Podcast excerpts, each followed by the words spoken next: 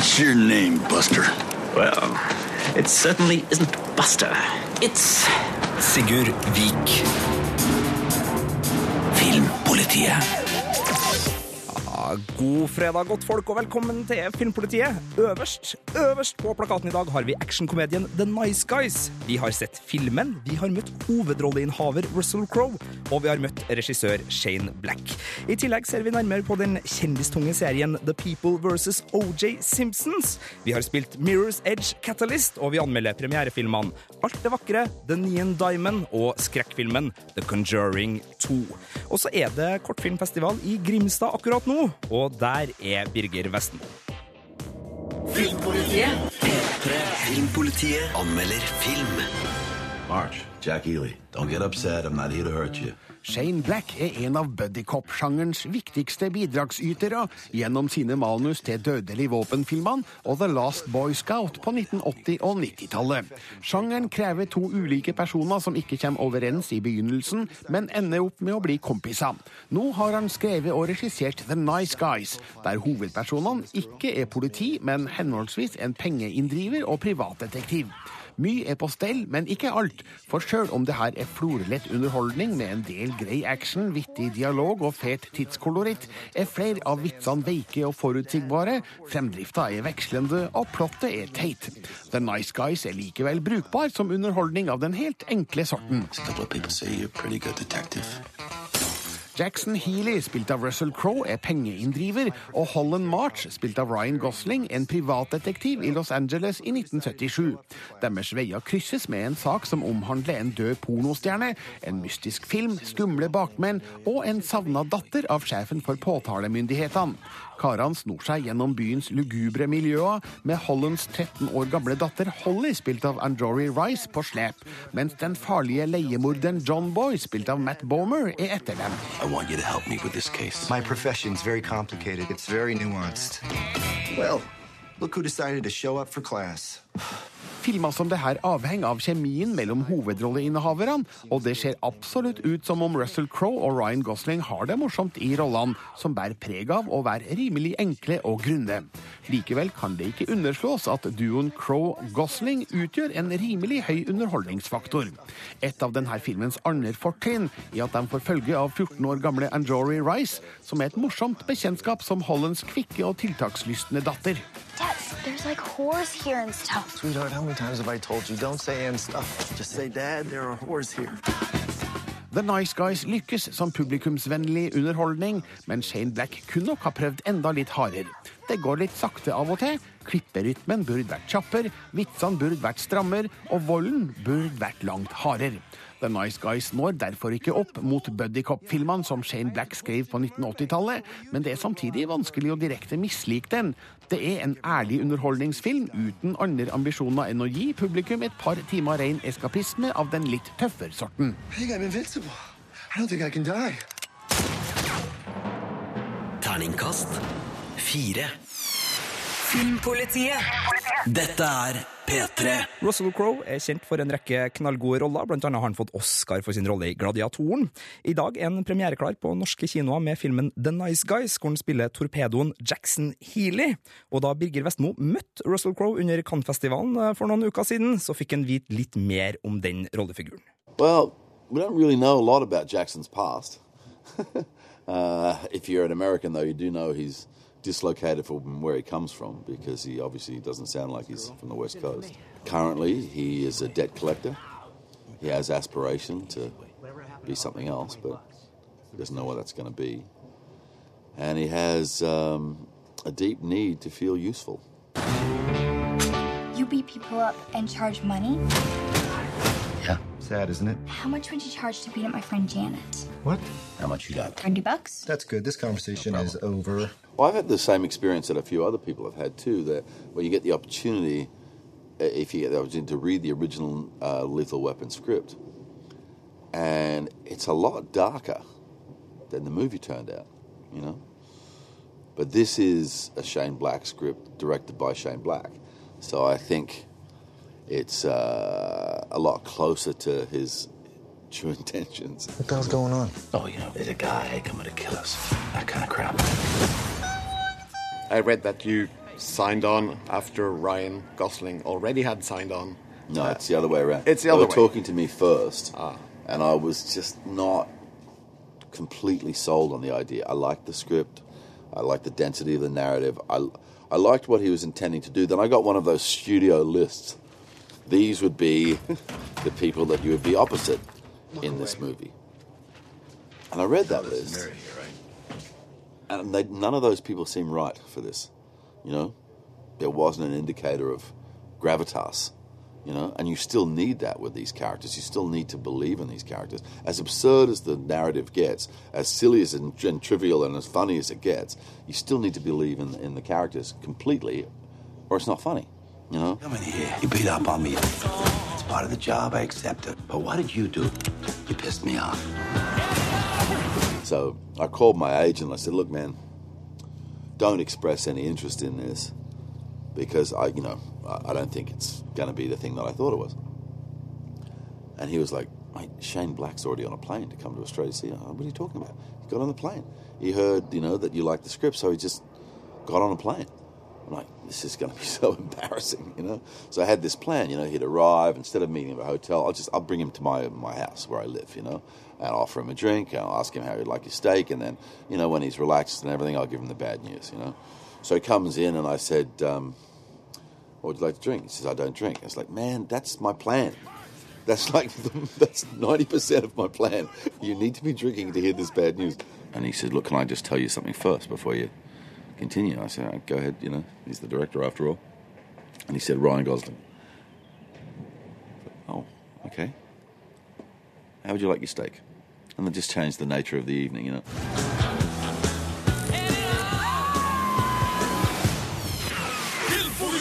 Filmpolitiet På P3.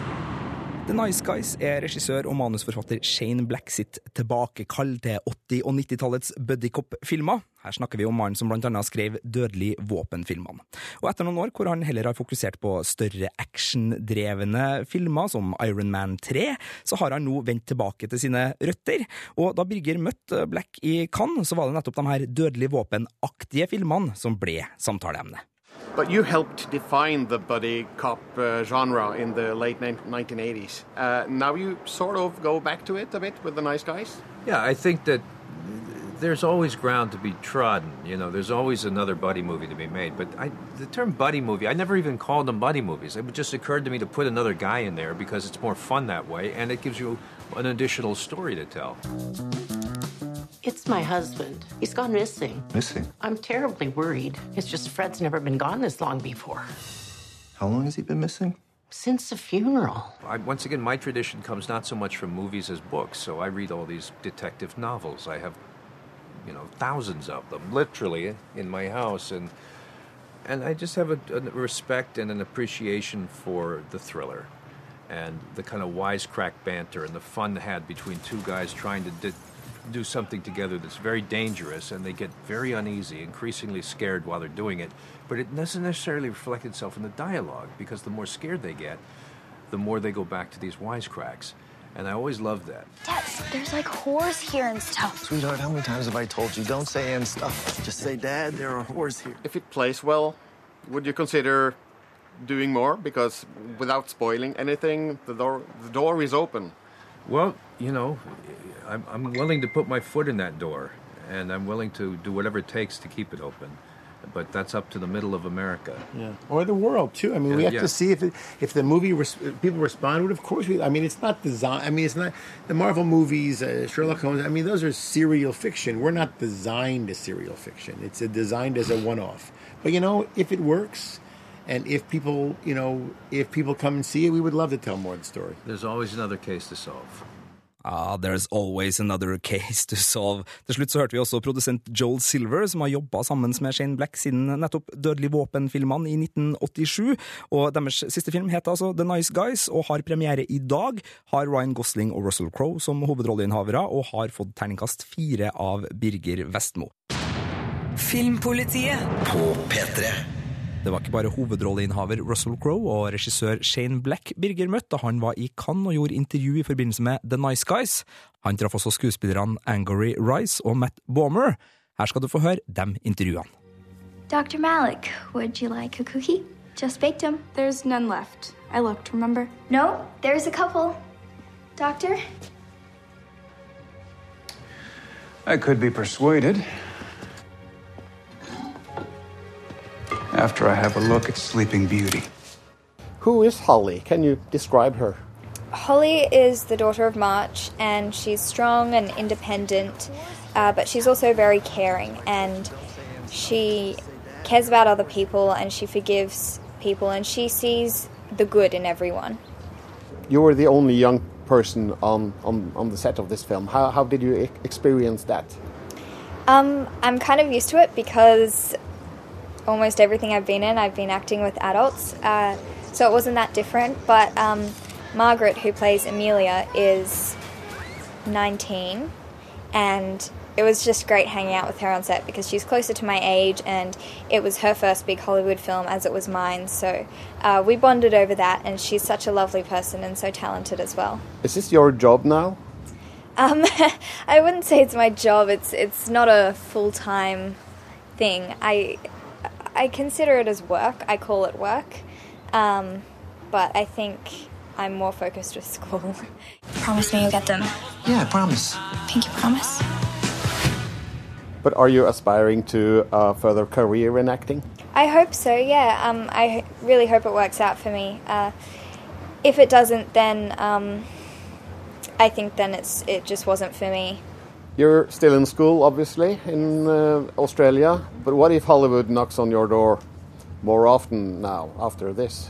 Um, I'm not sure. I'm in year 10 now, and I think that's probably the last year where I can say yes to everything that comes my way because in year 11 and 12, that's when I'm doing VCE and that's when I'm uh, doing my final exams. So I really want to finish school and I want to focus on it, but um, I would also love to work on more great projects and tell awesome stories. So, yeah. Filmpolitiet. Does that sound good to you? På P3. Hey, can you behave like a professional? I'm sorry. Your character, John Boy, he's uh, charming, sinister, deadly. Uh, how did you go about creating the look and the feel for, for this character? Uh, the look was really, you know, obviously uh, he had to bear some resemblance to John Boy from the Waltons. So Shane and I went through a series of pictures of the character and decided on a look that we wanted to emulate. And then um, uh, I, sartorially, I, I had always been really influenced by Alain Delon, Le Samurai. And I thought there was something really elegant about that, and that John Boy should represent a certain class of assassin that's a, a, of a certain pay grade. And uh, so Kim, our incredible costume director, worked with me on that, and that's how it, the look came together. This is really slowing me down, Holly. How deep do you go? Do you create the backstory for him or anything? Um, for me, you know, you're always your character's defense attorney, you know, so you're responsible for humanizing him. Even if you don't agree with their morals or ethics, you have to sort of put your judge's gavel down and figure out who they are and how they go about their day. And um, I, I, would say the most informative source material for me in that department was. Uh, I watched the interviews of a very notorious hitman for the mafia called the Iceman, uh, which were on HBO. Um, and he's someone who was really able to compartmentalize his life in a way that, you know, when he went to work, he was killing people all day and then could dump their bodies off and come home and have dinner with his wife and kids. And I thought there was a compartmentalization and a, and a, and a cleanness and an efficiency about that that was really frightening. That that was, you know, probably the most informative thing I got to draw from in real life. Now it takes a while in the picture before we actually see you. Yeah. Uh, any challenges uh, for you uh, regarding that? I think I was given I'm given the great benefit in the film that several people speak about my character and that you see some of his work, as it were, on screen before he's introduced. So there's already this great implied threat of who this character is, and so um, I just tried to bring a, a strong enough uh, take on him that once he did finally arrive, it was it lived up to everyone's expectations. Filmpolitiet. Filmpolitiet På P3. Filmpolitiet anmelder spill. I once knew a young woman who would defy anyone and anything in order to do what she felt was right. But you're clearly not her. You're broken. Barely out of prison and already stirring things up? Your parents would be proud. Mr. Kruger, he is out for runner blood. Whatever it is you stole from him must be very valuable. Lyd fra Mirror's Edge Catalyst der. Og um, Andreas Atser Opsvik, du har spilt Mirror's Edge Catalyst. Hva slags spill er det her? Det er i- et spill som i stor grad Det, det er flyt. Det er, liksom, det er det som er hele poenget. Du skal flyte gjennom eller over hustak, uh, gjennom et sånt eh, urbant landskap, også der du alltid ser foran deg når målet ditt. Er det eh, det jeg sliter med å uttale riktig, men parkour som er stilen her? Parkour er vel et veldig logisk ord å trekke fram. Du hopper, spretter, springer langs vegger, over skøyler og av og til møter du på fiender og motstand osv., men hovedsaken går ut på den løpinga så raskt og så smidig som mulig. Hva er backstoryen? Backstoryen er uh, Det her er um, en slags um, mjuk reboot av et spill som kom ut for åtte år siden, som heter Mirror's Edge, lagd av uh, svenske Dice. Uh, noe mest kjent for Battlefield osv. Uh, og det, du er en litt sånn halvslapp sånn konspiranoia-konspirasjon-greie.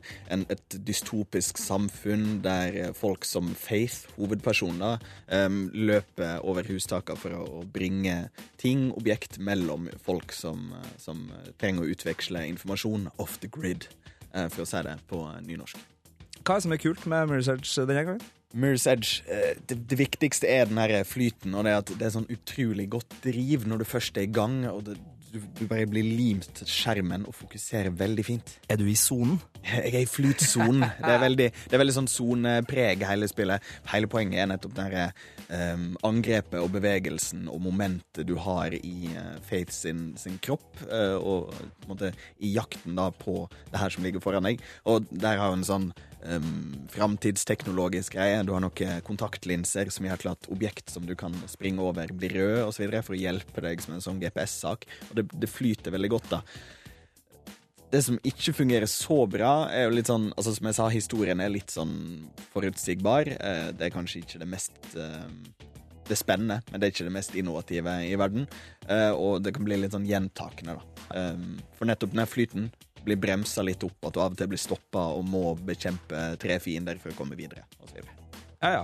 Eh, Jeg ser Leos lekeland bli trukket fram i anmeldelsen din. Du nevnte Hva hva er egentlig det, det er noe som gjør at det blir litt spennende for meg. Ja, det, der er hustaka er jo, må jo være det rareste arkitekturkonstruksjonen noensinne. For det liksom Alt har en sånn videre ting som du kan sprette et hakk lenger opp i bygginga på. Ta for eksempel Assassin's Creed syns jeg får det til veldig bra. da, Det med at ting virker naturlig, selv om du kan klatre på det. Og det er greit at her er liksom framtida og space og store glassflater og liksom sånn teknologisk framtidsby, men det føles litt sånn konstruert og laga ut, de bytaka som du løper over. Du stoler ikke på at eh, de har tatt seg gravitasjonspille eller et eller annet som gjør at det blir Jeg funky? jeg tror det hadde fungert eh, fysisk sett, men det ser ut som om eh, byarkitekten har tatt som utgangspunkt at hm, hva hvis vi skal bygge alle husene våre sånn at folk kan løpe opp langs veggen over taket? Ja. Ja, nei, det er ikke sånn der jeg bor. Nei, ikke der jeg bor heller. Men kanskje det blir sånn i fremtida. Hvem vet. Hvem funker det her eh, best for? Jeg tror folk som likte det første spillet, vil like det her eh, godt. i utgangspunktet. Det er et par sånn nye ting, en åpen verden, litt sånn rollespillelement osv. Litt sånn naturlig viderebygging. Eh, folk som liker denne flytsonen og det å komme inn i noe og, og bare bli der, eh, tror jeg kan, absolutt kan ha sansen. Og da har vi terningkastet fra Andreas. Terningkast fire. Filmpolitiet. Filmpolitiet. Les mer om film, spill og serier på p3.no Filmpolitiet. Filmpolitiet anmelder film. The voice on this tape is coming from an 11 year old girl. The Conjuring 2 starter med en fortellerstemme som sier at vi har sett så mye nå at det er lite som skremmer oss. Man skulle tro at det her er en gavepakke til oss som er filmkritikere. Jeg er en av dem som vet når det ropes bø, og gjennomskuer alle triksene for å skape skummel stemning på film. Likevel greier regissør James Wan å skremme i The Conjuring 2, som fremstår som en god, gammeldags grøsser med solid håndverk og en god forståelse for sjangeren. Dette er ikke filmen for innovasjon og nyvinninger, men byr på en solid dose kinoskremming. There is a family that desperately needs our help. I forrige film måtte ekteparet Ed og Lorraine Warren, spilt av Patrick Wilson og Vera Farmiga, hjelpe en amerikansk familie som ble plaga av en demon. I denne filmen må de over Atlanteren for å hjelpe en ny familie i Enfield i England. Året er 1977, og spøkelset av en tidligere huseier truer Janet, spilt av Madison Wolff, dattera av alenemora Peggy, spilt av Frances O'Connor. Hun kontakter kirka, som igjen tilkaller ekteparet Warren, som skal oppdage at de står foran en potensielt livsfarlig oppgave. Janet, right? Stop calling me Janet. The Conjuring 2 følger demonfilmens regler og konvensjoner til punkt og prikke, uten at det nødvendigvis er negativt. Du hører skumle stemmer og lyder, ser urovekkende skygger og skikkelser, og til slutt åpenbaringer som er egnet til å skape nattlige mareritt. Ofte er James Wans skremselstaktikk i overkant åpenbar. Når det blir helt stilt, kan du banne på at en skremming er rett rundt hjørnet. Og det er aldri noe sjakktrekk å slå av lyset i en film som det her. Men sjøl om man vet hva som kommer, greier filmen likevel å skape den rette stemninga av morsom uhygge. The Conjuring 2 har ingen andre intensjoner enn å gi deg noen skikkelige grøss, og det syns jeg den greier. Spilletida på to timer og 14 minutter er kanskje i overkant lang, men James Wan holder nerven opp godt nok til at det kan la seg forsvare. Det tekniske er på topp, fortellergleden er høy, og viljen til å la sjangeren diktere historiens utvikling er prisverdig. Det er som det gamle ordtaket If it works, don't fix it. If we keep doing this, you're going to die. Terningkast fire. Dette er Filmpolitiet Filmpolitiet på P3. En ny og spennende norsk regissør debuterer på kino denne uka. Åsneva Greibrok står bak alt det vakre som Birger Vestmo syns er et smart, fortalt drama om et komplisert og destruktiv kjærlighetsliv. Jeg vil ikke hva du skriver om oss. Hva mener du Det Det liv, det er ikke relevant lenger. Jag har redan første akten. Du kan begynne med å lese den. Et komplisert kjærlighetsforhold dekonstrueres i Åsne Vå Greibrocks lovende regidebut Alt det vakre, som skildrer hvordan kjærlighetens dystre irrganger kan oppleves på ulike stadier i livet. Historien spenner over 30 år, når figurene er 23, 33, 43 og 53 år gamle, spilt av skuespillere med ulik dialekt og nasjonalitet. Dette grepet er kanskje litt fremmedgjørende for det breie publikum, men Alt det vakre er et smart fortalt drama med et innsiktsfullt manus og finstemt skuespill. Er det noe å være redd for? för? Kan du ikke se hvor vakkert det er med den unge naiviteten? Nei, det synes jeg ikke, jeg kan. Jeg det er dumt. Ja, men alle som forsøker seg på kjærligheten, er dumme. Men hva vore det om vi ikke försökte? Sara, spilt av Ann Eleonora Jørgensen, kommer til sommerhuset til ekskjæresten David, spilt av Magnus Krepper. Han er syk og vil ha hennes hjelp til å fullføre et nytt teaterstykke som Sara frykter handler om hun. Vi får tilbakeblikk på deres 30 år lange og stormfulle forhold i fire forskjellige akter. Vi ser hvordan de allerede i den første avtaler at de kan møte andre, og hvordan det her påvirker forholdet videre. I filmens nåtid brygger det opp til en slags avklaring og forsoning mellom Sara og David. Jeg skulle på interrail og knulle.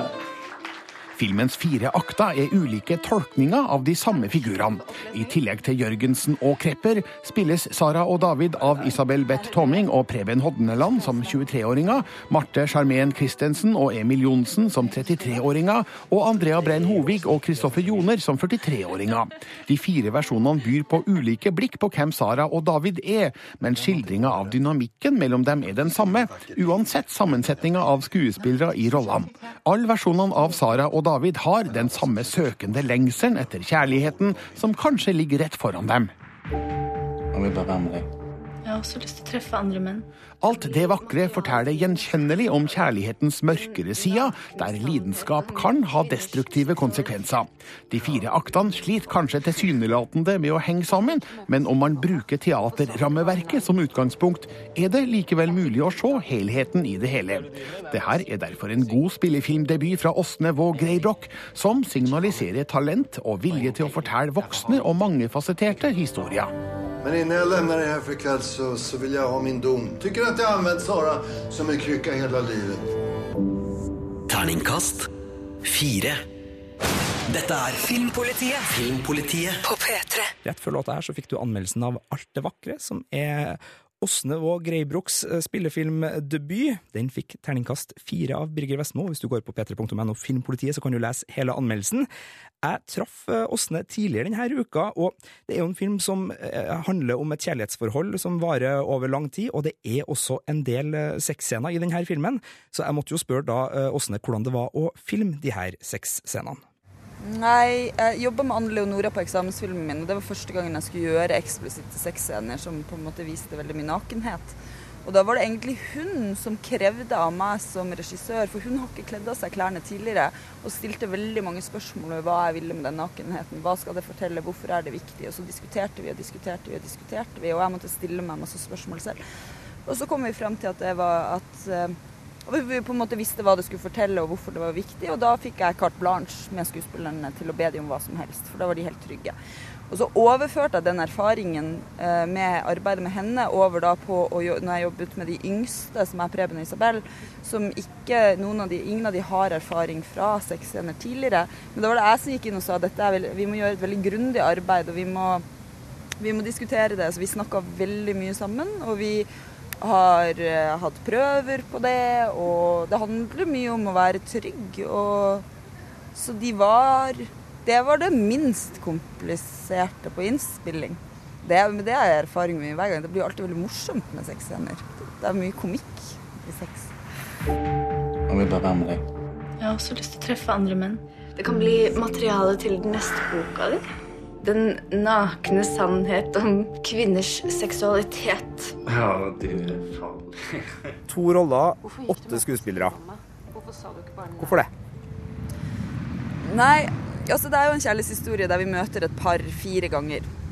I 20-årene, 30-årene, 40-årene, 50-årene. Og eh, det er jo en vanlig konvensjon i film at man bruker yngre og eldre skuespillere til å gestalte den samme rollen. Og vi er alle enige, altså vi vet jo at ikke det er den samme personen, men vi godtar det. Så tenkte jeg OK, men hva om man ikke prøver å late som om det er den samme, men at man heller deler opp? Så er jo spørsmålet kan man klare å knytte følelser til ett menneske og så og, og ta de med seg videre når man vet at det er et helt nytt menneske.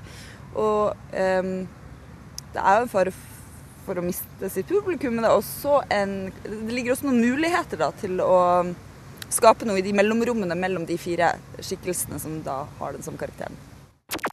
Dette er Filmpolitiet på P3. P3. Filmpolitiet anmelder film. I see 20 or 30 girls come in here every day. You, you're going to be great. Den danske regissøren Nicolas Winding Refn vet hvordan han skal provosere sitt publikum. The Neon Demon har kanskje ikke et veldig komplisert budskap, og det formidles i en stilisert pakke som man gjerne må kalle pretensiøs. Men filmen er òg ufattelig nydelig, der hver filmrute kun vært utstilt i et museum. Jeg syns den fungerer godt som en utspekulert kald og kynisk kommentar til vår kulturs skjønnhetsjag, her representert ved modellbransjen. The Neon Demon vil fremstå som overfladisk for noen, men for meg er det her en forførerisk skildring av kropp, skjønnhet og sjalusi. Beauty isn't everything. It's the only thing. 16 år gamle Jessie, spilt av Elle Fanning, kommer til Los Angeles for å prøve seg i modellbransjen. Der blir hun kjent med sminkøren Ruby, spilt av Jenna Malone, og fotografen Dean, spilt av Carl Glusman. Agenter og fotografer responderer på hennes ungdommelighet og vakre utseende, bl.a. hos en kjent motedesigner, spilt av Alessandro Nivola, og Jessie stiger derfor raskt i gradene. Det her skaper misunnelse hos to litt eldre modeller uten samme hell, nemlig Sarah, spilt av Abby Lee, og Gigi, spilt av Bella Heathcote. She has that thing. The Neon Demon er utsøkt filma av fotograf Natasha Breyer og har et suggererende Giorgio Moroder-lignende lydspor av Cliff Martinez, som effektivt understreker den kalde kynismen som portretteres i historien. Det er noen utrolig velgjorte sekvenser her, med stilige kulisser, prangende kostymer og utspekulerte billedkomposisjoner. Jeg tror at Stanley Kubrick ville nikka anerkjennende til denne filmen. Sjøl når Elle Fanning danser som en alv med Los Angeles skyline i bakgrunnen, har den et kunstig og stilrent preg som understreker tematikken. I know what I look like. Women would kill to look like this. Elle Fanning spiller fortreffelig i rollen som Jessie, ei pur ung og jomfruelig jente som kanskje ikke er så uskyldig som man først antar. Men den store stjerna i The Neon Demon er Nicolas Winding Refn sjøl. Hans stiliserte uttrykk preger hele filmen, med sterke sensuelle undertoner samt drag av kannibalisme og nekrofili. Og det gjør The Neon Demon til en besnærende film som også føles litt ubehagelig. Terningkast fem. Filmpolitiet. Filmpolitiet. Les mer om film, spill og serier på p3.no Filmpolitiet. I dag er det premiere på filmen The Nien Diamond, som er laga uh, Unnskyld, The Nien Demon, som er laga av den danske regissøren Nicolas Winding Reften. Han er kjent for filmer som Pusher-triologien, Valhalla Rising, Drive og Only God Forgives, og nå har han laga et drama fra modellbransjen i Los Angeles, med innslag av kannibalisme og nekrofili. Den The Neon, The Demon har da naturlig nok splitta kritikerne, og Vinding Reften, som foretrekker å bli intervjua på engelsk, er strålende fornøyd når kritikerne er uenige om filmen hans. Art is only interesting when it polarizes. That's the only way to create a reaction, which is the essence of creativity. You know, good and bad has no meaning anymore because of the digital revolution. So, what's really much more interesting in terms of creativity that it's become much more about how do you react to it? How does it speak to you? What does it make you feel? Det sier Nicolas Winding Refn om at kritikere er splitta i synet på hans nye film The Neon Demon. På filmfestivalen i Cannes ble den møtt med buing fra enkelte, men ble bejubla av andre. Well, I can say that the, that's your point of view. Some people think it's brilliant. So obviously, I've done something right. Jesse's new in town. How old are you? 19. Any runway experience? Not really. The Neon Demon handler om 16 år gamle Jesse som kommer til Los Angeles for å kjempe seg frem i byens modellmiljø. I filmen sier en figur at skjønnhet er ikke alt, skjønnhet er det eneste. Er The Neon Demon Nicolas Winding Reftens kommentar til vår fascinasjon for skjønnhet og alt som er overfladisk? Well, I don't know if it's a comment. I mean, it's a statement because that's what is, you know, an everlasting growth is the obsession of beauty. And I think that it's too easy to call it superficial. Beauty is a, probably the most complex phenomenon that we have in the future to deal with because it both represents the inner but also the outer. What's it feel like? To walk into a room. It's like in the middle of winter. You're the sun. It's everything. What made you want to explore this theme in a film? Well, I think that everyone is, whether they admit it or not, is always interested in beauty. And beauty is very seductive, and it's very dramatic, and it's very exciting. It's also very frightening. It's also very camp, and it's also very interesting. At the same time, banal. So everyone can relate to it. And I guess in a way, I just wanted to make a movie where I could fantasize what it would be like being a beautiful 16 year old girl. I am dangerous. Filmpolitiet. På P3. Rettssaken mot den amerikanske ja, idrettskjendisen, først og fremst. OJ Simpson var et av 90-tallets store rettsdrama. Stor greie i media, masse dekning, til og med trikkel over Atlanteren hit til Norge. Nå har denne dramatiske historien blitt til TV-serien The People v OJ Simpson, som har gått på TV i USA i vinter og vår, og vært en ganske stor suksess, med blant annet John Travolta og Cuba Gooding Jr. i hovedrollene. I går så begynte det her på TV3, hvor det skal gå i dobbeltepisoder på torsdagskveldene framover. Det er også tilgjengelig på amerikansk iTunes hvis man har den slags. Vi har sett de sju første episodene av ti. Jeg har sett dem, og her får du min anmeldelse. Filmpolitiet anmelder TV-serie. Yeah, what have you got? Got two victims in Brentwood. Brentwood? Nobody gets killed in Brentwood. The People vs. OJ Simpson er en tettpakka og godt oppbygd serie. Rettssaken mot den drapstiltalte idretts- og skuespillerkjendisen OJ Simpson var en av 90-tallets store mediebegivenheter, og denne serien klarer på imponerende effektivt vis å fortelle den dramatiske historien med både personfokus, rettssalsdramatikk og et lett reflekterende blikk på det enorme mediesirkuset som prega saken. This could be the most high-profile criminal case in. Serien tar oss med inn i begivenhetene rett etter at Nicole Brown Simpson og hennes venn Ronald Lyle Goldman blir drept den 12. juni 1994. Nicoles eksmann OJ Simpson blir raskt politiets hovedmistenkte, og i godt spenningskomponerte episoder fortelles vi historier om en mistanke som blir til en hysterisk biljakt, og som ender i en meget begivenhetsrik rettssak. Historia bygges opp fra flere leirer uten at den røde tråden forsvinner. Og spesielt når forsvarsadvokat Johnny Cochran entrer manesjen, så blir det her til en temposterk serie som evner å vise hvordan rettssalens historiefortellere tar i bruk alt fra juridiske tjuvtriks til karakterdrepende lekkasjer i kampen om å styre narrativet. Det er de etablerte stjerneskuespillerne det svinger dårligst av i dette rettsdramaet. Spesielt John Travolta blir stiv og overtydelig i sitt portrett av den selvhøytidelige og forsiktige advokaten Robert Shapiro. Og David Schwimmer klarer ikke helt å klatre ut av skyggen til sin signaturrolle Ross Geller fra Friends i sin naive tolkning av Simpsons gode venn og blivende kjendispappa Robert Kardashian. This is Detective Tom Lang from the Los Angeles Police Department. Your ex-wife, Nicole Simpson, has been killed. I'm so sorry, Mr. Simpson. Resten av rollegalleriet er heldigvis svært godt, og Courtney B. Vances rolle som Johnny Cochran er nydelig. Den ligger hele tida og vaker i en velartikulert dualitet som gjør at du aldri helt vet om forsvarsadvokaten vil bruke deg som kanonføde, eller gå i krigen for deg. Got away with beating her. He is not going to get away with killing her. The People vs. OJ Simpson starter litt som en fra virkeligheten-TV-film, men utvikler seg raskt til et drivende og fengende rettsdrama. Det er rett og slett en fascinerende dramatisering av amerikansk rettshistorie, som leverer en godt kjendiskrydra og underholdende dose true crime til kveldskaffen. Do not kill yourself in Kimmy's bedroom. Give me the gun. G give me the gun. Terningkast fem. Filmpolitiet med Sigurd Vik. Kortfilmfestivalen i Grimstad pågår for fullt. Den starta onsdag og avsluttes i morgen, da Gullstolen deles ut til det som juryen mener er årets beste norske kortfilm.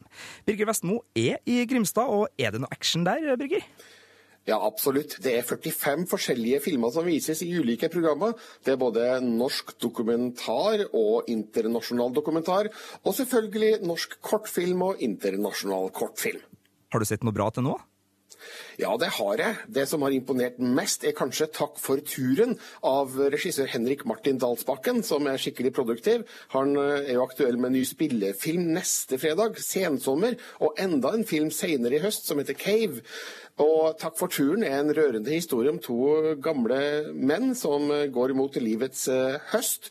Uh, som jeg ikke skal avsløre hva skjer i, men uh, tårene kan dryppe, og filmen har allerede fått pris på en kortfilmfestival i Aspen, Colorado, faktisk. Så dette er en av favorittene i år.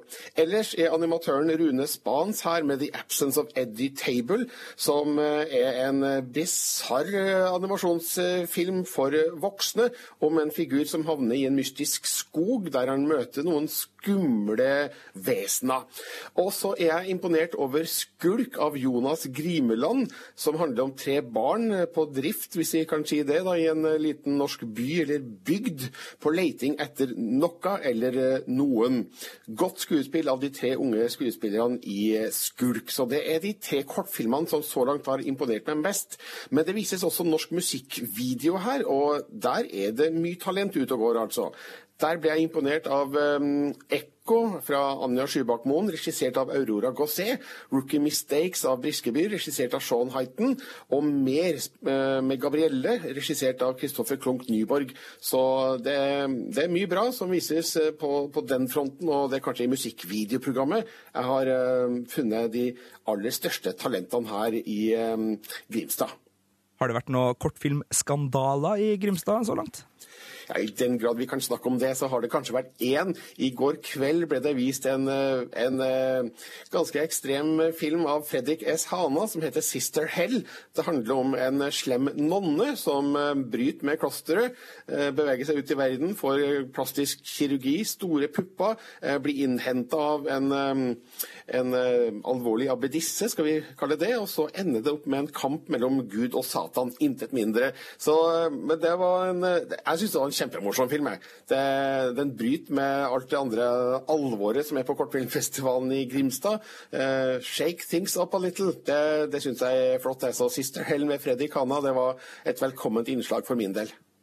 Det er bra. Du, det er jo nå eh, helga begynner, og festivalen varer jo til uh, lørdag. Hva, hva gleder du deg til det som er igjen av festivalen? Ja, Det jeg gleder meg mest til, er å se 'Tunnelen' av André Øvredal. Du vet, regissøren av 'Trolljegeren'. Det her er en kortfilm jeg har hørt om i fem år, så den har hatt en utrolig lang eh, produksjonsperiode. Mye pga. alle spesialeffektene i den. Det er en fremtidsvisjon om en overbefolka verden. Nå leser jeg rett ifra programmet her, Sigurd. Eh, en overbefolka verden der samfunnet har kommet fram til en grusom løsning på problemet. Så 'Tunnelen' skal vises her i Grimstad i ettermiddag. og er vel den som er på papiret i hvert fall er mest spent på. Da må du kose deg videre på Kortfilmfestivalen, Birger. Og så ser jeg her nå at jeg blingsa litt, for jeg sa ferdig i morgen. Det stemmer jo ikke. Det her er jo filma helt til søndag på Kortfilmfestivalen i Grimstad, så hvis du er i Grimstad-området, så har du ei hel helg å kose deg med kortfilm på, hvis det er det som er din tekopp. Filmpolitiet.